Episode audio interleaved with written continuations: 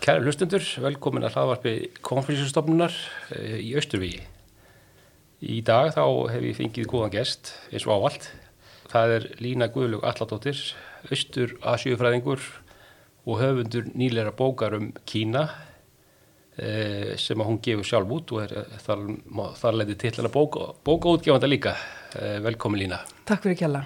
áður en að við förum að hérna, fjallu bókina aðeins að ræða við um, um bara Kína og þín kynni af Kína ég vil reyndir áður en við hefjum leikin og viljum bara byrja á því að hérna hrósa þér fyrir bókina þetta er alveg stórkvæsli bók Takk fyrir það, kjalla. og hérna eh, sannarlega þess virði og, og vel til fundið að fara að gefa út bókun Kína því að við þurfum sannarlega að hérna fræðast meir um Kína held ég í framtíðinni Algjörlega, alveg samanlega. en svona f- fyrst kynniðin af Kína hvað hérna, hvað getur sagt mér um það? Já, þannig er að ég kem til Kína fyrst fyrir næri tveimur áratugum síðan, eh, 2003 Já, og eh, þá í þeim erundum að sækja dóttur mína en ég á dóttur sem er sem sagt ætlit frá Kína já, já, já. og eh, fyrst þegar ég kem að þá í rauninni á svo litið sérstakt að, að eh, það var, s- má segja, svo litið sama ástand og er í dag. Það var bara, hafði öllu verið skellt í lás vegna þess að þetta, ke- þetta er ekki minnir beint í kjölfur á SARS uh, síðasta veiru sjúkdóm sem Já. að, að hérna er eh, að minnst er uppsprottin í Kína og, Já. og náttúrulega svo sem nýja veran talin uppsprottin í Kína líka og, og ég tel það Já, og uh, þannig að það var svolítið, uh, sérst, við þurftum sem- til dæmis að býði tvo mánu um að maður var dálítið óþreyja fullur eftir að komast að stað já, einmitt. og um, þannig að þegar við komum til Kína þá voru sko, voru svona fyrstu hópur sem að- var opnað fyrir vegna þess að við vorum að koma til að sækja börnin okkar og ekki svona sem venleir túristar Nei, einmitt. og þá náttúrulega bara kemst ég í fyrsta skipti, kynni við þetta gríðala áhugaverða og fjölbreytta land og þjóð og þar, þannig semst hefjast mín kynni af Kína og uh, mér fannst þetta náttúrulega bara, reyndar með alltaf meðan ég var í ferðinni þá var ég kannski ekkit svo mikið endilega hugsa maður nú verið að kynna með Kína meir í framtíðinni Já, já. en svo man ég bara eftir að, að hérna þegar ég var á leiðinni heim að þá eiginlega var, var þetta orðið eiginlega þannig með að ég bara langaði eiginlega bara ekkert að fara mér fannst þetta svo áhugaverst Já, þannig að svo fjórum ára setna þá fer ég með litlu dótturvina sem er bara fimm ára já, þá já, í ferðalag já, já, já. til Kína og uh, við fórum í, í hérna flugun og reyndar, ég var nú búist í Breitlandi þá Já, flugun og reyndar hérna bara einar til Kína vegna þess að, að sonu minn var í, var í námi og, og hérna þeir slóðust síðan setna í för með okkur maðgum, Já. fegarnir þannig að við fórum svona fórum bara fyrst flugum tvær til Kína og svo slóðust við í för með íslenskum hóprendar Já, já. í svona smá hópferðalag um Kína og fórum á allar þess að típisku túristastaði náttúrulega Já, já. og um, reyndar slefti í kínumúrinu því ég var alltaf búin að fara og mér fannst hún bara svo lítil að ég var ekkert að leggja það á hana að fara í þáferð Einmitt. en við fórum til síjan og sáum leirhermennina og, og fórum náttúrulega bara m- mjög víða og enduðum sinni í Shanghai og svo komu feðgarnir þanga og hitt okkur í Shanghai já, já, já. Grunilegt að, að það hefur haft sterk áhrif á þig landið bara frá, frá upphafi. Já, algjörlega og það sem mér fannst alltaf fyrst gríðarlega áhugavert, það var hérna, það var alltaf kínveskan. Já. Svo var ég bara mjög upptekin af því að rækta hennar tengsl alltaf við Einmitt. upprunnalandið og, og, og svona og uh, hefur örugglega miklu mér áhuga á kínu heldur en hún. Já, Og, uh, akkurat. en hérna, þannig hún er alltaf bara alin upp í það að kínu er bara svona hluti af okkar heimsmynd og okkar heimilislífi í, í sjálf sér. Já, Og þannig að ég var búin að vera í smá kínuskan á mig og þá var það þannig reyndar að eh, það var, eh, ég var, var stöðt hérna á Íslandi þá og já, þá hófst svona fjarkensla í kínusku, háskólan Akureyri. já, já, já. Og uh, það var hræðilega aðstæða, get ég sagt þér hérna í Háskóla Íslands, Já. að við sátum hérna í einhverju, nýri einhverjum niðurgröfum kjallara, horfðum á pínlítið sjónvarskjá og, og vorum að læra kínusku sem er ekki góð að það. en það, allavega ég bjóð samt að því að ég var svona, ég gætt pínlítið bjarga mér og bara um leið og talar pínulítið, Já. þá nærðu líka mér í tengslum við fólkið. Já, já. Og þannig að síðan bara í framaldi af þessari ferð þá fór ég svona að bæta aðeins meira og meira við mig, ta- taka hérna sögukursa og stöðnaðsjöfræði og eitthvað svona. Já. Svo bara áður en ég vissi að var ég eiginlega bara komin í þetta nám, sem sagt stöðnaðsjöfræðina. Já, já, já. En hins vegar, af því að það var náttúrulega innifæli skiptunám Já, í, akkúrat. í þessu námi Einmitt. og ég var náttúrulega búin að hugsa, mér, hugsa þetta sem tækifæri til þess að fara með dóttur mína og leifa henni að vera svona í landinu með mér.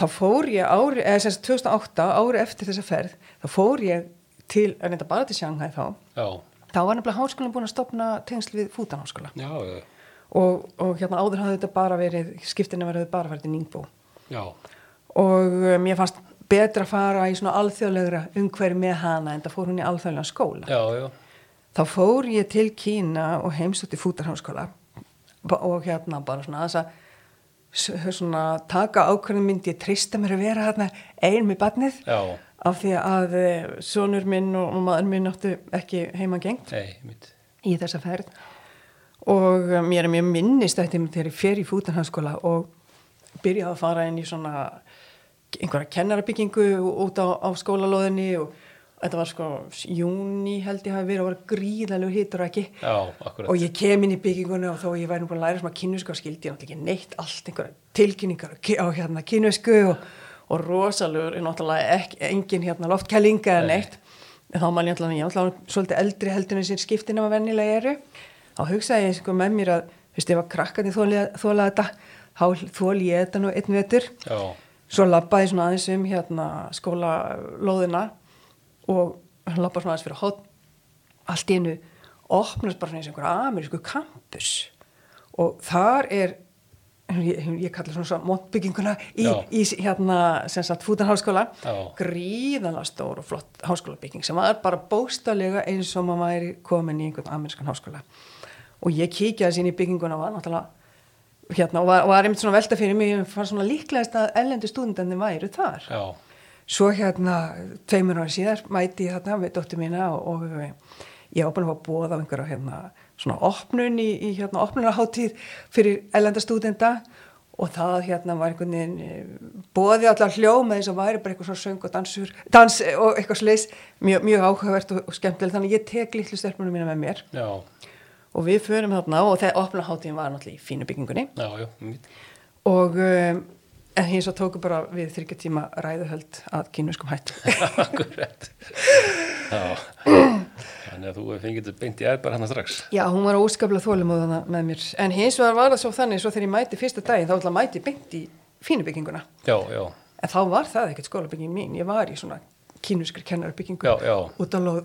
já, einmitt, þannig að, akkurat, þannig að þú hefur verið þar í þá í hvað, eina árn eða Já. eitt ár, eina árn, já, Já. já, já, já, þannig að það hefur nú dugað aðeins til þess að svona ná smá valda kínuskunni, Já, já, já, já, en hins vegar er náttúrulega kínuska þannig að e, maður þarf að rækta hana alveg stöðugt Já. til þess að halda henni við Einmitt. og e, ég í rauninni gef mér sko ekki út úr það að tala kínusku Nei. en hins vegar þá get ég bjarga mér og ég svona rifi alltaf upp áður en fyrir Kína Já, svona já. bara til þess að það skiptir svo miklu máli vegna þess að hann náttúrulega bara eru mjög fáið kínverið í rauninni sem tala ensku já, já, algjörlega þegar maður komið til Kína þá, þá er það nú ekki margir einmitt, já, en hvað hérna, já, þannig að þú ert þarna þessa önnu og, og, og klára svo námið, ertu, svo ertu með hérna, dvelur eitthvað meira í Kína þá, eða, eða Já, ertu- já, já, ég hef náttúrulega verið, sko, já, ég var náttúrulega þarna í rauninni, má segja, hérna, var þarna tæft ár já, og uh, var náttúrulega í Shanghai og ég var svo heppin að vera þarna, sérst 2010 þegar Expo er já, já, já, og það var náttúrulega gríðan, ég hann bara líka komið sko til Beijing með dóttir minna 2007 ári fyrir olífjöleikana, Já. þá var náttúrulega allt á kvolfi í Beijing, Já, já, svo akkurat. kem ég þarna til Shanghai og það er bara sama ástand eins og ég bjó í hverfi sem var svona útkverfi já, og eh, ég var alltaf búin að koma nokkur sinni til, til Shanghai áður en að hérna, ég sem sagt býðar já, og það var til eins gata sem lág inn í hverfið mitt sem að var bara þannig að það var eins og einhver stór björg sem við dott eitthvað starf heimnum ofan já. svo bara á einni nóttu þá var þetta bara eins og einhver breiðgata í París Já, já. Þetta er Allt, allt sem að kínverð gera er náttúrulega með þessum hætti akkurat, og svo var náttúrulega haldin þarna þessi hérna, sem sagt, heimsýning já, og þeir gerðu það náttúrulega mjög vel Mhm. og það var náttúrulega gríðanlega flott hjá þeim og, og svo fann að með þess að hinsa varun þetta þetta er köllu heimsýning og er það náttúrulega að vera að sína allan heiminn Já, þarna já.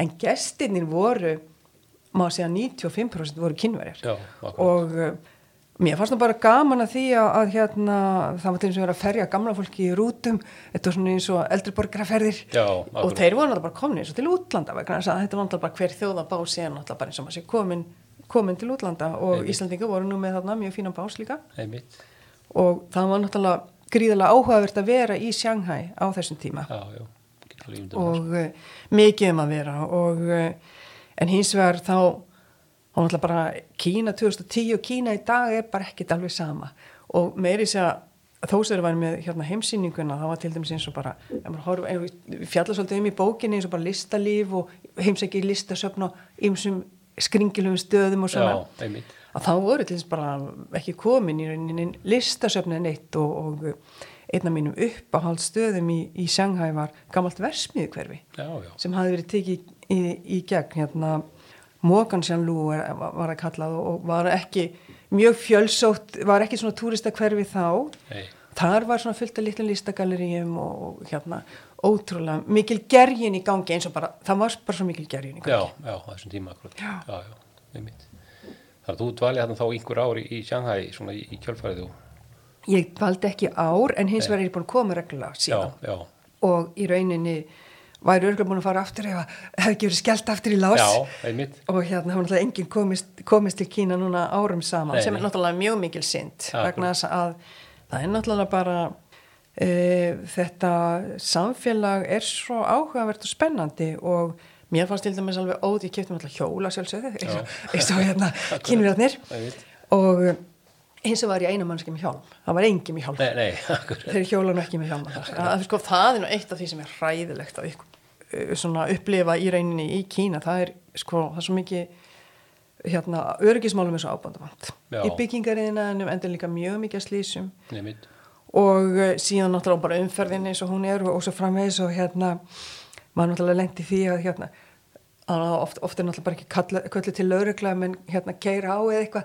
Nei. bara faraður út úr bílunum og öskra hvernig annan Já. og, og svo leysa þeir þetta einhvern veginn bara keira svo bara í burtu já, já, en mér fannst til alveg sérstaklega skemmtilegt að fara svona hjólatúra um sko hverfin mitt það var Já, ekki já. svona niður í bæ Nei, akkúrat. ekki það sem að, að svona kannski er svona alþjóðlegasti eh, hlutin já, og bara hérna svona sjá fólk það voru hérna konur út á hérna götu alltaf að dansa alltaf á sama tíma mætti svona, þetta var allt mjög gamalt þess að þeim tíma vegna þess að þetta var svona í má segja árdaga teknibildingarinnar Já, í Kína einmitt. það var Kína var ekki mjög sko það náttúrulega er bara svo ótrúlegt hvað að gerst þarna einum áratug já, já, Kína var ekki með tæknivætt á þessum tíma og það var hérna rétt hjá, sem sagt á hotni rétt hjá það sem ég bjó, þar mætti alltaf einhver ung stúlka með svona gamalt að segubalstæki Já. og svo var bara sett í gang og allir voru, voru að dansa einhvern svona hóp diskodans já, og hérna og síðan bara náttúrulega eins og, og þeir sem hafa komið til Kína þekki að lífi færist út á gödurnar svona þegar voru færist yfir já, akkurat, og um, því það er nú til þess eins og bara sjanghæðinu til þess þannig að það er gríðalug kvöldi og rakjaðar þannig að maður þetta velur ekki mikið utan dýra Nei. yfir vetratíman og hérna mikla, mikla svona öfgar svolítið svona í veðrinu og bara að koma til þess að bara hverfinu mína var þetta svona svol- svolítið uppbyggt þannig að það var svona hver gata svona til einhverjulega ákveðinni atvinningrein. Einni götinu voru þess bara gælum dýrabúðir já, já, já, og einni götinu voru bara hárgjöldustofur allir út á götu í rauninni í klippingu Já, þannig já. að það sem að maður lærði bara svo mikið á það var bara svona að svona fylgjast með og bara horfa svona svolítið utanfrá á, á mannlífið og svo var náttúrulega dásalega gaman að þegar að tilblum var til að geta, geta aðeins rætt við fólk já, akkurat, já, já. Þannig að þú, þetta er svona, Shanghai greinilega hefur þessa, hérna, tvær hliðar, sko, það er annars vegar þessi, þessi miðbar sem er náttúrulega bara svona alþjóðlegur og há- háísi, en svo er líka þessi skemmtilegu svona hverfi sem að, Já, það er náttúrulega hérna í rauninni er, ef ég kem svo sem á inn á í bókinni að þá er hérna Sjanghæ, náttúrulega, náttúrulega Sjanghæ ánáttúrulega hérna uh, mjög mikið stað í mínu hjarta ég, Já. hérna, mér ekki mjög um, væntum væntum Sjanghæ og einhvern veginn þó að þetta sé svona heimsborg, stórborg byggu 20 miljónir manna Já. fannst mér þetta bara einhvern veginn maður var svo örugur eitthvað og uh, það var einhvern veginn svona það var bara notalegt yfirbragð í Já, borginni, já. þrátt fyrir alla miljónirnar akkurat, og það er náttúrulega þannig að Sjanghai er náttúrulega annars vegar, hún er náttúrulega gömul heimsborg og það er náttúrulega bara eins og koma bara uh, í einhverja evróska borg vegna þess að hún náttúrulega byggði upp á nýlendu herranum eh, náttúrulega á sínu tíma á 19. öldinni já, já, og 20. öldinni já, og síðan er náttúrulega þetta nýja framtíðar hérna hverfi Já. eða svona ef maður sletta svona fjúturíska hérna uh, þessi fjúturíski arkitektur sem að hefur verið kínverið mjög hugleikinn já, þanga til kannski að þegar að fórsetin núverandi Xi Jinping honum ofbeð þetta svo litið og hérna það fór til sérlega sérstaklega í taugunar á honum hérna bygging kínvisku fréttastöðuna CCTV í Beijing Já, og hérna hann hefur verið svona hann er svolítið verið að hérna berjast svona á móti þessu að, og kínverja myndi snúa svona pinkuldi aftur tilbaka til hefðana eins og bara Já. allt annað sem að gerir sko. já, já, akkurat. Leita aftur í hérna, svo keisarinn hafið það hérna áður fyrir. já svolítið svoleiðis sko. já.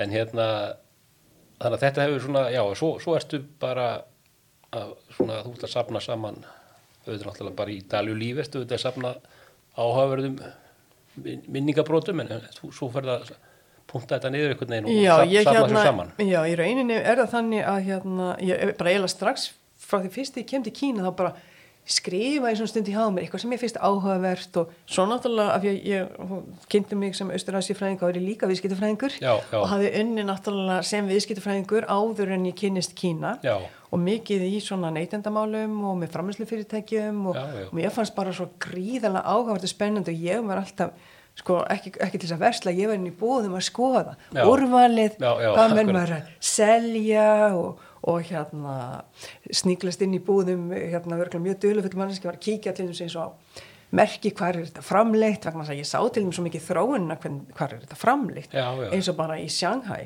að maður að byrja náttúrulega á því til þeim eins og svona ódýrir vörur já, allar framleitir í Shanghai já, svo fer maður inn í hérna þetta er eins og hann alltaf margir sem að hafa ma mörg fyrirtæki sem hafa alltaf frista gæfunar í Kína sem gengi vel og öðrum ekki Já. mörg náttúrulega til mis vestran merki sem að hafa, hefur gengið ágætlega, önnur hafa gjaldfallið já, eins og hérna til þess að Marks og Spencer ég man eftir ég sko, fór að skoðaði til dæmis nýja Marks og Spencer búið í Wuhan þegar ég fór þangað já, og uh, ég fór sko til Wuhan svo til dótti minna þetta var sko áratug síðar já, já, já, og þá voru þið með svona ein- eins og einhver svona selgerabúð og síðan fer ég í nýja búð uh, svona fyr, cirka fimm ári síðar fyrir, fyrir, nokkur, fyrir svona fimm ári síðan já, í Shanghai og uh, hann fór ég einmitt um búðinu og var svona að skoða inn í eh, vegna þess að náttúrulega marsurspensin er náttúrulega ekki talið um náttúrulega svona neitt svona hátísku merki eða, Nei. eða dýrt merki á Vesturlöndum einmitt. og það var bara engin flík fram til Kína Nei, það var nei. allt komið á ódýrari svæði Já, já, já, Þannig að ég hef náttúrulega verið að sanka að mér svona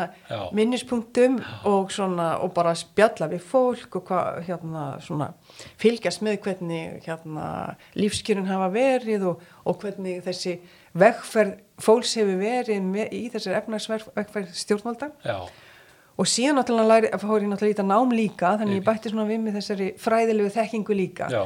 Og svo náttúrulega bara þegar að hérna náminni er lokið, þá sá ég bara að ég var náttúrulega komið með þarna gríðalegt efni sem ég yrðið að koma frá Mhm. mér já, og alltaf ekkert að skrifa bók strax. Nei.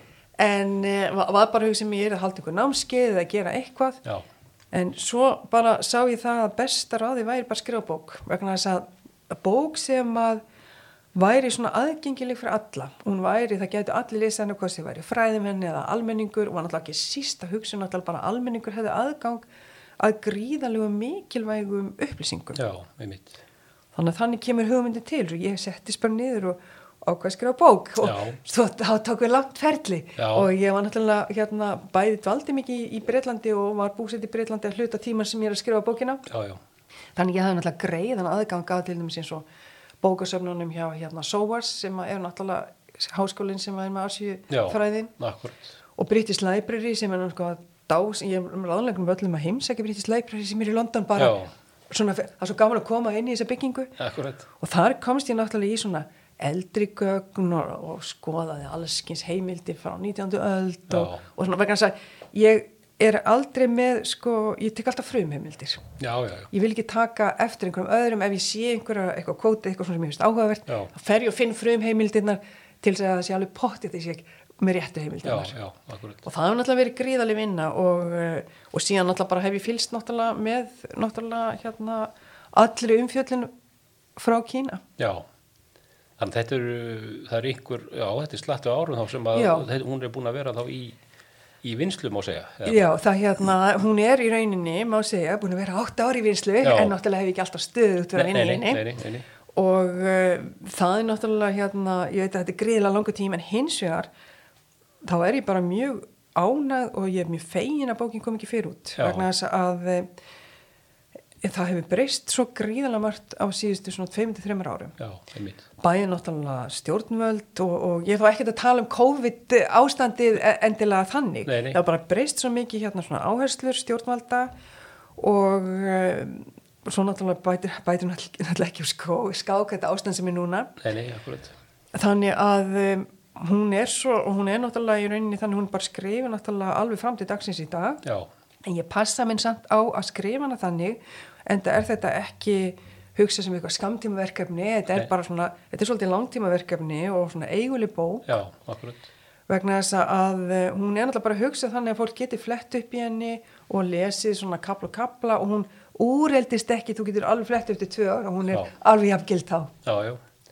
Einmitt, ég ætla nefnilega að hérna, sérstaklega hrósaði fyrir bara svona efnistöku og, og hérna hvað hún er áhugaverð, kemur inn á svo marga þætti, sögu og, og svo er hún alltaf mjög áhugaverðir kaplar um nútíman nákvæmlega, hvernig Kína hefur verið að breytast. takk fyrir það Það er náttúrulega alveg hérna og það er náttúrulega eitthvað sem að, bara þeir sem að hafa fylgst með og þekkja sem að geta sannarlega hérna sagt frá því á hérna al- al- í einhverju alvöru sko því að það er svo ótrúlegt eins og þetta lýsa.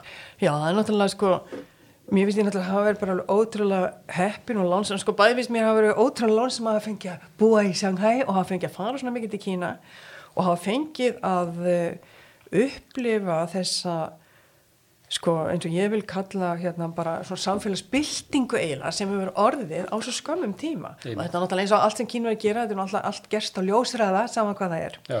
og það er til dæmis eins og bara það er svo ótrúlegt að hugsa um hvað margt hefur breyst frá 2003 þegar ég kem fyrst í Kína Já. og til dagsins í dag og það sem er náttúrulega hérna, og náttúrulega var markmiði hjá mér náttúrulega líka að og og- þegar hún nefndi söguna og ég var nú að segja frá að ég hef náttúrulega verið að kynna mig söguna mjög mikið Einmitt. maður þarf náttúrulega að kynna sér söguna til þess að skilja Kína samtímas það er bara þannig að sagan hún er svo nátengt í rauninu hugsana hætti kínvera í dag Já, akkúrat. en svo er bara svo margt gríðalega áhugavert og spennandi sem að fólk náttúrulega veit ekkit um sem að hefur náttúrulega verið að gerast í Kína eins og bara hérna marga nýjar atvinnugreinar eins og eitt kapli sem að ég helga svo litið ferðalagi sem fór í til norðvestu Kína Já, einmitt. og um, þar til dæmis hafa hafa ri- hafa risið upp uh, bara eins og ég segi nú bent upp úr eðmörkinni stórkoslegt vínrektarsvæði sem Já. að bara já, sjónu sögur ríkari þegar einhver tíman opnast Já, nákvæmlega, akkurat. og hérna og síðan náttúrulega líka bara upplöfu þetta að eins og- eins og bara þegar ég var þar að bæði hitta þessa bændur sem að hafa verið fluttir bara í rauninni allt þorpið eh, sko, þetta er náttúrulega alræði stjórn Já, já. og hún gerir það sem henni sýnist en að, að, að, í þessu tilfelli þá var hann bara, bara þannig að lífsviði fór, væri fólksins hvarf Já, akkurat. því að ámið þóttnaði og uh, þannig að það var náttúrulega ekki takt að rækta landi lengur Nei, og þannig var, og þeir voru náttúrulega bara fluttir þannig í einu lagi og hefum sagt frá þessu í einu kablanum já, og uh, sestir þarna að í, í, í hérna litlu þorpi og síðan var ég náttúrulega að keira þarna um þessar slóðir og þetta var mjög áhugavert að maður sá mér við að maður svona bygg, búið að byggja svona einslið þorp á einu staðinu var til dæmis á semisverðmið hinum megin guttuna Já. og bara búið að byggja heilt þorp á einhverjum, það var einhverjum bændur sem voru að flutti þanga Já. og allir voru farnir að vinna í semisverðmiðinu já, já, Ég akkurat. náttúrulega byggingagerinn hefur náttúrulega svona, sprungið náttúrulega gríðalega út þannig að bara hefur ekki verið byggt neinstar í heiminum eins mikið eins og síðust árin Nei, og síðan bara þessi þróun á neytandanum neytandamarkaðanum já, einmitt. sem að náttúrulega síðan náttúrulega gerir það verkum að það kemur síðan líka sem er náttúrulega alls ekki gott að það kemur náttúrulega þessi mikla miskipting upp í samfélaginu Já. í kjölfarið á, þessari, á þessum breytingum vegna þess að sumir hafa við erum náttúrulega þekkt þetta máltækið hérna, Deng Xiaoping þegar hann sagði eitthvað sem svo að það sé dásaldi að vera ríkur eða, Já, eða eitthvað já, þannig og, akkurat. og hérna margir kannski vera að hugsa um að þetta ætti að vera svona eins og einhvers konar dropa hakkerfi þar sem að sömur efnast og síðan hérna græði hinn all, allir eitthvað pínlíti líka Já, akkurat. en þetta er bara gert að verka með það er bara gríðaleg skil á milli í sem sagt eh, hérna dreifbílinu Já. og ég tala náttúrulega ekki um stóru borgunum eh, sem að eru svona út í ströndina stærstu borgunum Einmitt. og síðan landsbyðinni Já. þar er náttúrulega eða það bara ríkjandi mikil fátækt eh, Já. og uh, allt aðra aðstæður sem fólk býr við Nei, mitt. þannig að ég svona fer yfir þetta og svona tala um nýjan atvinnugreinar og, Já, og hérna og svo náttúrulega eh, bara að sjálfsögðu endur speiklast efnistöku af mínum áhuga mann og, svo, og því sem ég hef lært og annað og ég til lærði líka listasögu hérna í háskólinni já, einmitt. þannig að ég gerir mér tíðfurult á listasöfn Já, Þa, það kemur einmitt frá einn bókinni mjög áhugaverð ferð á listasamhanna einmitt í störu eðumörkinni. Já, algjörlega, þannig að hérna- Landan í nor norvestu kynni ekstar. Nákvæmlega, þannig að hérna, sem er náttúrulega stórfurðulegt og, uh, og svo sem ekki eina furðulega safni sem hefur rísið á einkennlegu stöðum í Nei, Kína nei. og það er náttúrulega alltaf eitthvað, það er alltaf eitthvað sem býr að baki. Já, Það var náttúrulega gríðalegu upplifuna að, að koma á þetta og í rauninni er það náttúrulega bara stórfurðulegt að að byggja svona safni einhvers staðar eh, lengst frá, sko ekki kannski endilega furðulegt að byggja það í Kína Nei. en að byggja það á þessum stað Já. vegna þess að þetta er svona þetta sem sagt heitir MOCA já, hérna Museum of Modern Art Já. og er svona samtímalistasafn Einmitt. og er eins og samtímalistasafn hérna eru oft með ha- heldur svona tvíjaring já, svona lista, alþjóðlega listasýningar annarkvært ár sem að kemna einmitt inn á í bókinni sem við þekkjum náttúrulega vel eins og með Fene tvíjöringin sem að náttúrulega Íslandingar hafa tekið lengi þátt í einmitt. Og þarna er verið að, að sapna saman uh, náttúrulega listamönnum allstaðar aðra úr heiminum að vísum er svolítið sérstökum áherslu þarna vegna þess að þegar maður er komin á þetta svæði þá er maður komin líka inn í allt annan menningarheim því þarna eru múslimar Já. uh, stór hluti íbúðina einmitt. og uh, þannig að það er gríðilega áhersla þar á arabísku tengslinn Já, og uh, öðruglega hvergi verið eins mikið samsafna listamönnum upprunnir í, í þeim heimi eins og, eins og þarna á þessum stað. En þetta er náttúrulega, maður getur maður séð fyrir sér sko þvílík vinna að setja upp svona síningu, flytja öll þessi verk, hérna, maður segja næstu því bara einhver staðar hérna á, e-, til endemarka jarðarlíku við, Já. þannig lengst út í eðumörkina einmitt. og síðan náttúrulega þetta er gríðalega hérna fámennu staður Já, þetta er bara pinkulítið borg á kínuska mæli Já, hvað, já. býr miljón manns þarna Já, akkurat. en það líka var engin hérna, á síningunni þannig að hérna, ég segi þeim frá í, í bókinni vegna þess að, að mér var bara mér er mjög andum að öll svona verkefni gangi það var voða glöð þegar byrtist lóksins nokkri gestir, Já. en þetta náttúrulega samverður, það, það mun aldrei verða fjölsótt Nei, nei, nei. þannig að það er margt svona sérstakt og uh, skemmtilegt og gríðalega áhættan og ótrúlega flott flott bygging og, og annað þannig að þessi þetta svæði er náttúrulega það væri sko algjörlega tiluminn þess að fara og heimsækja bara þetta svæði Já, að fólk já. ætlaði að fara til Kína til að upplifa eitthvað svona algjörlega Já. allt, allt annað Einmitt. þannig að það er svona farið víða um og ég veit alveg að ég er að hérna ég er að færast mikið í fang Já, að hérna, ég var, það sem að markmiðin var, náttú- eða náttúrulega markmiðin náttúrulega fyrst alveg bara byggja náttúrulega brýr á milli svona menningar heima, eða sérst milli svona eiginlega bara Vesturlanda og Asíulanda og um, vegna þess að það, ski- því við tala náttúrulega um í dag, skipta náttúrulega gríðarlega miklu máli í þessu fjölþjóðlega samfélagi sem að við búum öll í að brjóta svolítið niður þessa menningamúra og síðan náttúrulega var það náttúrulega heldur ekki síst að eh, svona draga upp þessa áhugaverð og skemmtilegu mynd af þjóðinni vegna Já. þess að eh, náttúrulega í fjölmiðlum þá er það bara þannig að það, þessi ratar í fjölmiðli er aðalega bara eitthvað svona frá stjórnvöldum Já. og ég vildi aftengja komastaflokkin bara svolítið frá þjóðinni Já. þá svo hann náttúrulega auðvitað náttúrulega vomunum alls þar hérna aukstaðar undir og yfir öllu eins og hann gerir já, já. og og náttúrulega segja vissulega frá því Einmitt. en hins vegar vil ég bara segja frá þessari áhugaverðu þjóð og hvað hún er að stúsast í í sínu daglega starfi Já. og fólk hefur til dæmis bara verið stórkoslega dugulegt að koma sér áfram og uh, búa sér og sínum betri lífskjör fram á veginn Já, já. og uh, þannig að það var náttúrulega og það sem ég var náttúrulega svona að reyna að gera var að taka svona heildstæða mynd þetta er alltaf svo ótrúlega fjölmið þjóð og uh, náttúrulega uh, gríðarlega hérna mikil fjölbreytni í öllu saman en það var svona að ná svona aðeins svona yfir þetta að fólk sægi sem sagt svona smá heildarmynd af þjóðinni Já. og síðan náttúrulega sem að skipti líka miklu máli læra um þessa mikilvæg þætti sögunar sem að skipta svo miklu máli í dag eins og ég fjalla náttúrulega um þegar að þessir útlendingar koma til Kína og Já. ópjumstriðin og afleðingarnar sem að, að þær hafa haft á þangagang nútímans bæði náttúrulega stjórnvöld og, eh, og náttúrulega þjóðina sem slíka vegna þess að, að það er náttúrulega búið að berja dálítið mikil í þjóðarniskend inn í þjóðina Já. og, og þeir fyrtast mjög oft við eða þeir fyrst útlendingar vera að gera eitthvað á sinn hluta vegna þess að svo er líka mjög stutt í mínum áttakendina Já, og, eh, og þetta með að, að þeir náttúrulega mjög uppteknir af því að öðlast virðingu um heimsins Já, aftur akkúrat. það var náttúrulega fyrir um stærsta veldi heims má Akkúrat. segja, mesta heimsveldið og, og menningaveldið já, þannig að þeir einmitt vilja fara ná þeim staðnist aftur Já, eðlilega, að sumu leiti en hérna, hérna bara með, vonandi með réttum aðferðum Já, já, með nákvæmlega. Þannig að eitt, já, varandi bókina sem að hérna er mjög áhvert að það, þú gefur hann út sjálf. Já, Það, er það ekki daldið bratt? það, jó, það er náttúrulega mjög bratt bara eins og með að skrifa bókina líka Já, já, og akkurat. hérna og uh, að maður eða segja að ég hafi hent mér bara svona, út í djúpu laugina og, Einmitt. og svo, svo lærði ég að synda Já. og hérna það var nú ákveðin ástæð fyrir því það var náttúrulega í fyrsta lagi vildi við uh, sem sagt gefa hann út sjálf til þess að vegna hún er alveg svona óháð og sjálfstæð útgáfa Já. og ég vildi ekki hafa neina rýtskoðun Nei. yfir mér, Akkúrat, neinstæðar og það var allir svolítið sérstakt að eh, í þessu ferli öllu saman að, að hérna, að ég náttúrulega verið mikið í Breitlandi og búið þar og, og svo framvegst þá náttúrulega hef ég verið með svona breska aðila svolítið svona í, á þessu framlýslu ferli Já, já, og það er allir breskur aðili sem að sem sagt var svona prent þjónustu aðili já, og það akkurat. kom til dæmis í ljós strax á fyrsta fundi Já, að af því að bókin fjallaði til dæmis um Kína því hún ætlaði að fara að segja, segja ykkur frá pressmiðum í Kína Já. að þá var til dæmis ekki hægt að prenta hana í Kína já, einu, nei. vegna þess að þá lendur hún bara strax í einhverju reytskóðun og það vill enginn taka að sér eh, vill enginn pressmi í Kína taka Já. sér verkefni sem að hugsanlega geti stuðið stjórnvöld Já, ok, aðtíkilvægt. Já, það er mjög aðdeglisvert Já, og, uh, og síðan var hann nú svo litið sérstak sko, náttúrulega prentunin og annað fór náttúrulega í útbóð og svona, Já, eins og lögir hann fyrir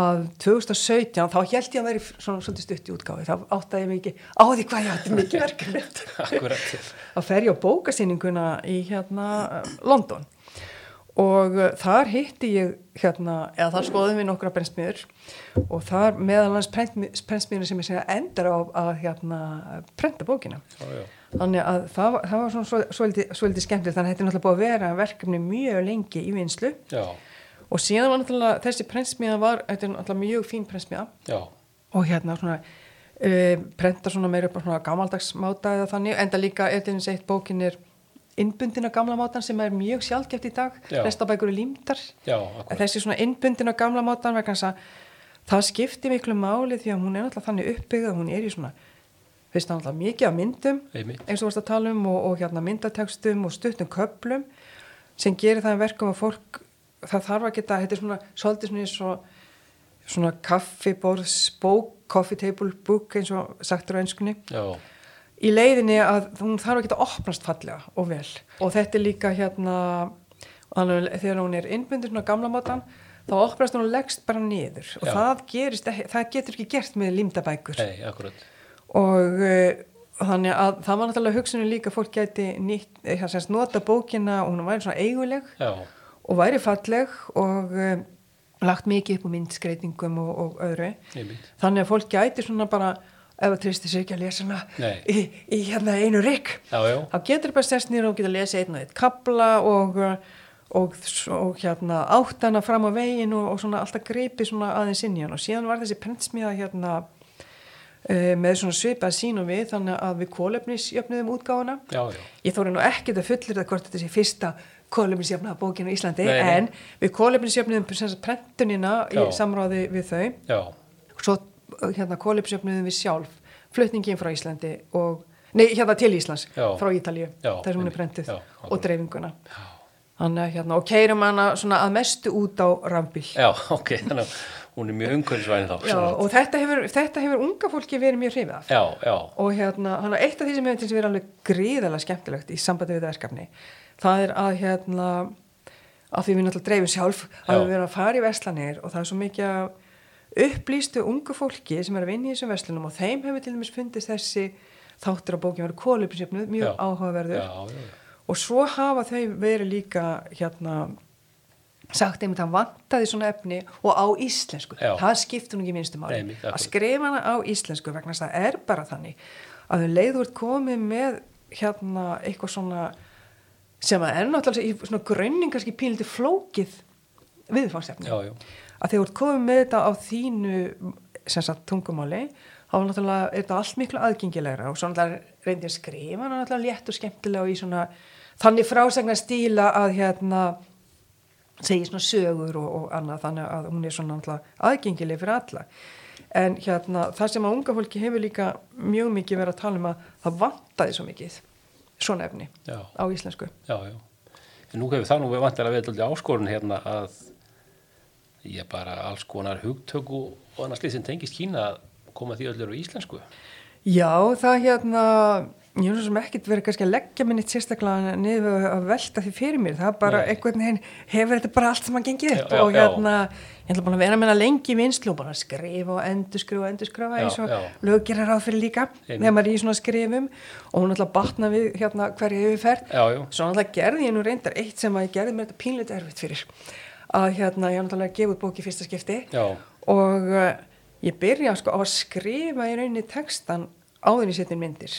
Já, já. Og svo fyrir ári síðan, ég er eiginlega alltaf að gefa hann út fyrir ári síðan, Já, já. þá hérna fer, byrjar sem sagt þessi hérna, vins, vinsla að setja upp bókina Já, og setja inn myndir og taka texta úr meginmáli og gera myndateksta, þá er eiginlega bara lág við að ég þurfti næstu því að skrifa ég skrifa náttúrulega ekki allt upp á nýtt en þá voru svona tölur endurskrif fólkin í því, Já, þannig að já. hérna og hún hefur náttúrulega bara batnað við hver endurskrif, Já, þannig já. að hérna og þetta er náttúrulega bara þannig verkefni að eh, maður hristir þetta ekkit fram úr erminni Nei, nei. að bara þetta tekur sinn tíma og maður verður bara að vera þólumöður Já, þegar já. maður er að vinna svona Já, já. því er ekki að vera með einhverja óþjóðlumæði þetta, þetta hefst að lokum já, já. er ekki máltækin sem segir góði hluti gerast hægt Jú, nákvæmlega, sko. Það má alveg segja það um þessa bók. En hérna, a- annað sem hún nefndir, sem er mjög, ég finnst mjög vera mjög áhugavert og bókin ber þess merki á jákvæðan hátt finnst mér að þú talar um að þú hafir ekki eh, hérna, fengið neina rítstjórn eða, eða þú hafir þess að bara gert allt sjálf. Já, í rauninni, sko, ég var ekki með neina sérstakar rýðstjórn, Já. hins vegar er þetta verkefni ennlega samfunniverkefni hérna hjá mér og manninu mínum Já, og ég náttúrulega sjálfsögðu hefur hann lesið allt yfir já, já, og, eh, en við vorum ekki með neina svona formlega rýðstjórn utan úr bæ en Nei. ég hins vegar fekk íslensku fræðing til að lesa yfir handrítið fyrst á fremstíði já, já, og um, þannig að við höfum svona bara saman og hann er alltaf verið mín hægri hönd í að, að hjálpa mér að, að finna svona þessa samtíma fréttir og, og, og fylgjast með og, og að gera það ennþá já, þannig að við svona bara, já það hérna ég hef náttúrulega svo sem skrifa ímislegt og ég hef aldrei skrifa bók nei, og um, mér fannst við bara alveg vera fullfæri um þetta Já, verkefni já, já. þannig að, en hins vegar náttúrulega hef ég líka þurft svona bara rétrýna kannski sumt svo litið sjálf Já. lesa yfir aftur og, og henda út og svo framvegs nei, mitt, þannig að mér fannst það bara sko, það hendaði mér ákvæmlega vel að vera bara hérna sem sagt í í, í, sem sagt, í forsvari í, í þessu verkefni öllu saman sem sagt að vera bara minn eigin herra já. í raun já, og já. segja Því það er nefnilega, eða það er svona mín tilfinning en, en auðvitað náttúrulega þeir sem eru að rittstýra, það er náttúrulega auðvitað, fólk sem að þekki sitt fag og allt það en hérna, en það gerir hann daldið svona, hún sé ekki svona steril, steriliseru svona daldið af einhverjum svona Nei, formlegri og er náttúrulega persónulegri og svo Já. var líka bara það sem mér fannst þér á vandamál að hérna sko það er ekkert hægt að setja svona efni í hendunum á einhvern sem þekkir ekki til Nei, akkurat, þannig að eh, ég gat náttúrulega ég gat eiginlega bara ekki sett þetta svona efnislega hendunum á neina nei, nei, akkurat og um, þannig að já þó ég bara segi sjálf frá það finnst mér bara að hafa tekist býstna vel til Já, já. með að greiða reyðstýringu Einmitt. á þessi verkefni öllu saman og, og ég reynir bara allir framkvæmt náttúrulega á þessi þetta er náttúrulega bara rosaleg vinna og hérna svo núna í þessu síðasta loka ferli að koma bókin að marka þá hérna ég við getum ekki hvart eður aðgerðleysi það er eitt sem er auðvitað mál Já, en það er líka bara, það er svo ótrúlega sk- og líka þegar maður fer með svona bók í verslanir þá- ég er náttúrulega að gefa mig tíma til þess að spjalla við starfsfólk Einmitt. við gerum svona kynningabækling sem við látið starfsfólk hafa svona Já. vegna þess að þetta er náttúrulega svona framandi verk, eh, hérna, efni fyrir Al- flesta algjörlega. og síðan það sem við gerðum líka og hérna er hún í stöður í enduníun að loksins þegar að hægt var að koma, komast í það því það er svo margt sem maður þarf að gera þegar maður er að sjá um þetta sjálfur að við settum upp websíðu Já, já, hérna ops.is og bs.is Já. fólk örugglega ekki. Ok. og það er til mér sér að finna alla söðlega og, og annað Já. en það er líka vegna þess að það er náttúrulega mjög mikið að myndum í bókina þetta er allt tekið sérstaklega fyrir, fyrir náttúrulega bókina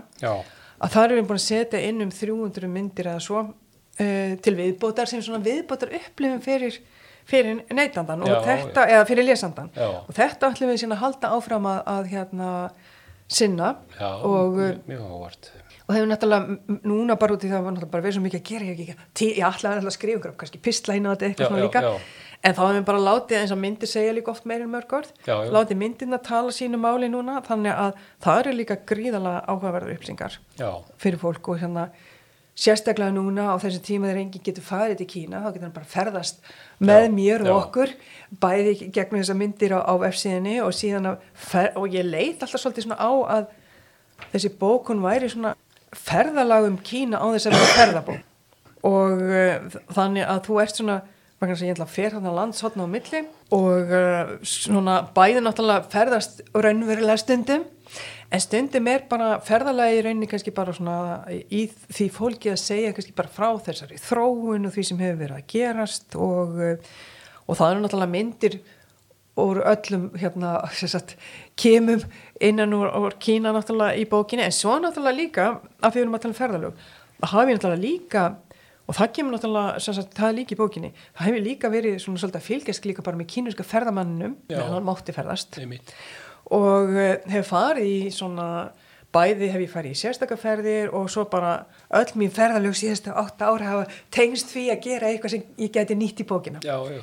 og hef heimsótt hérna bæði náttúrulega verið mikið í Breitlandi og náttúrulega á sínu tíma og náttúrulega sóttu kynverið mikið til Breitland sem fylgst með hvert þeir fara að versla og fa- ferðast, sérst farið með þeim og fylgst með þeim þegar þeir eru í Fraklandi og, og spjalla aðeins við fólk og, og, og hérna fe, svona, sérstaklega náttúrulega kannski yngra fólki sem talar ensku og Já, svona einmitt. eldra fólki sem er að ferðast í hópunum það talar lífilt náttúrulega ekkert nema kynisku og er svona óframfærnara líka þannig að þú getur ferðast í rauninni þú getur ferðast bæðum Evrópu og, og hérna Evrópa, Ameríku og Kína Já. má vel segja kannski að smá hluta af bókin þá er ég að tala um San Francisco og Kína Kína náttúrulega hverfið og, og allar þessar teng, kínversku tengingar þangar Já, einmitt, einmitt, það er þræðið er að leggja við það, sko. líka við það, Já, en hérna, eitt, eh, bókin heitir Rót, já hvað pæling er að bak við nafnið?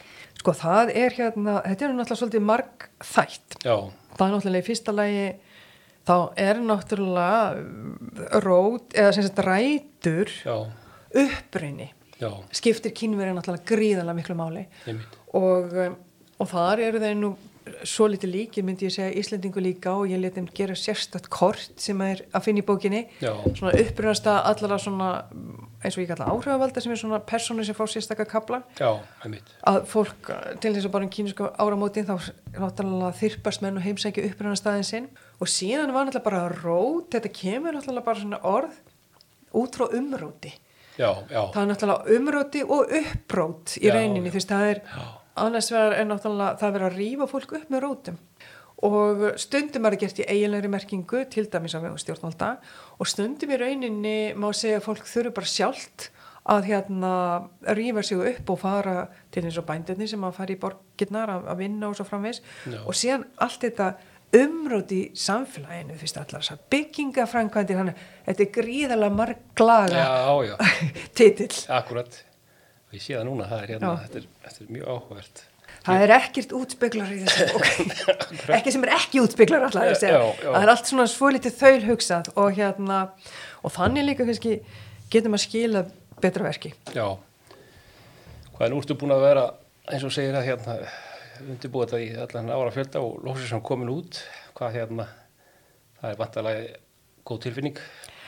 Það er náttúrulega bara alveg dásanlega tilfinning og uh, í rauninni sko ég held að það er þér svolítið engjanlegt að skríti svona að bókin var komin og maður sæja hann í vestlunum og svona Já. en ég finnst mér þetta bara mjög einhvern veginn eðlilegt núna Já. og ég er bara alveg ótrúlega glöð og uh, hérna já glöð og ánægð að vera búin að koma þessu verki frá mér vegna sem ég finnst þetta hafa verið þartverk Já, mæmi. að vinna og, um, og mikil þörf á því fyrir fólk að að minnstokst að hafa aðgang að þessum upplýsingum og svo er náttúrulega hveit ég allir til þess að lesa bókina sjálfsög líka vegna þess að e, það er náttúrulega þannig að e, það skiptir bara svo miklu máli að allt sem er svona fjarlægt og lagt í burtu frá okkur og svo framvegis fólki finnst þetta svolítið ókveikjandi en það er náttúrulega bara þannig að Kína og kínverðir eru náttúrulega bara hérna fólk eins og við og hérna það eru náttúrulega bara allir mjög svipar hérna á heimskringlunni eins og, eins og hérna þeir sem hafa ferast við, að- við að hafa, hafa séð en það er náttúrulega hérna, frábært að bókið sér komin út og nú er þetta náttúrulega þetta er bara að vera mikil vinna og hún er bara, hún er svolítið svona búin að vera eins og barni mitt, Já, akkurat. þriðja barni mitt Akkurat. og hérna þannig að ég er svona eiginlega fylgin og hlaði núna og ég er búin að sleppa aðeins af henni hendinni og hérna eins og maður gerir með börni sína maður gefur þeim rætur og vangi Já, akkurat. og ég, þessi bók er svolítið þannig og nú er ég gefin í vangi Já, en hún endla er bara þann, þess eðli sem ég mun fylgjani eftir svolítið svona bara fram á veginn og ég sé eða bara fyrir mér næstu misseri vegna þess að hún náttúrulega mun ekkert úreldast eitthvað fljótt Nei, og uh, hún er bara stígan má segja síns fyrstu skref núna í þessu dásanlega jólabókflóði já, já, akkurat. Hún lendi akkurat inn í... Já, lenti inn- akkúrat þar. Inn í jólabólaðinu.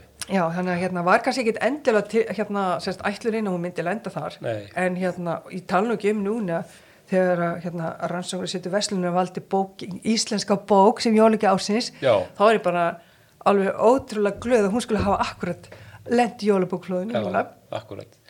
Verður auðvitað í, í, og fáum jóla, jólapökkunum. Ég er bara alltaf rétt að vona það. Já, en hérna eh, er, er hérna framhald eða, eða önnur bók, er hún, Framhaldssaga. er, er hún komin á tegnibólið? Rót 2. Rótu Nei, ég rey- ekki, reyndar ekki, en ég skal nú samt alveg viðkynna það ekki. Þetta er nú eiginlega bara þetta skemmtilegst að ég hefur nokkuð tíma á æfinni gert ótrúlega krefjandi, Já, spennandi og skemmtilegt og ég elska svona verkefni og mér finnst alveg ofslega gaman að skrifa. já, Ég er með margar hugmyndir. já, er En ég hins vegar núna, Það er frábært, er ég bara, alltaf ég eiginlega bara að fókusa á bókin og rót Já. og uh, fylgja henni úr hlaði svona fram á veginn, svo mun ég öruglast nú mér einhverju spennandi. já, það verður bara virkilega áhugavert að fylgjast með því. En bókina er þetta að fá bara í öllum, öllum herstu bókavæslunum? er ekki? Já, bókin fæst í öllum helstu, hérna, hún fæst eins í öllum verslunum pennans og Já. við leifstu líka fyrir Já. þá sem er á leiðinu úr landi Já. og kaupa jólagjafir handa hérna, sem sagt, börnunum sínum meðlendis og svona. Þeir sem eru að fara á tenni, þeir geta tekið Já, það þeir með eru að sér. fá tenni nákvæmlega, akkurat Einmitt. og hérna og síðan er, og, og í fleiri, fleiri bókaverslunum og við Já. erum alltaf með alla sögulega aðalega inn á vefsíðinni, Já, ops.is já, absolutt. þannig að þá, þann, þar, þá getur fólk bara að fara inn og sé- séð alla sögulega, en hún er seld um allt land Já, já, einmitt, ljómandi. og verður það alltaf bara áfram Já, já, það er bara fra- frábært.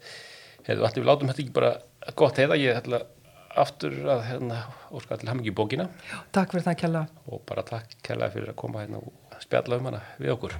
já, takk fyrir mig og gaman að koma til þinn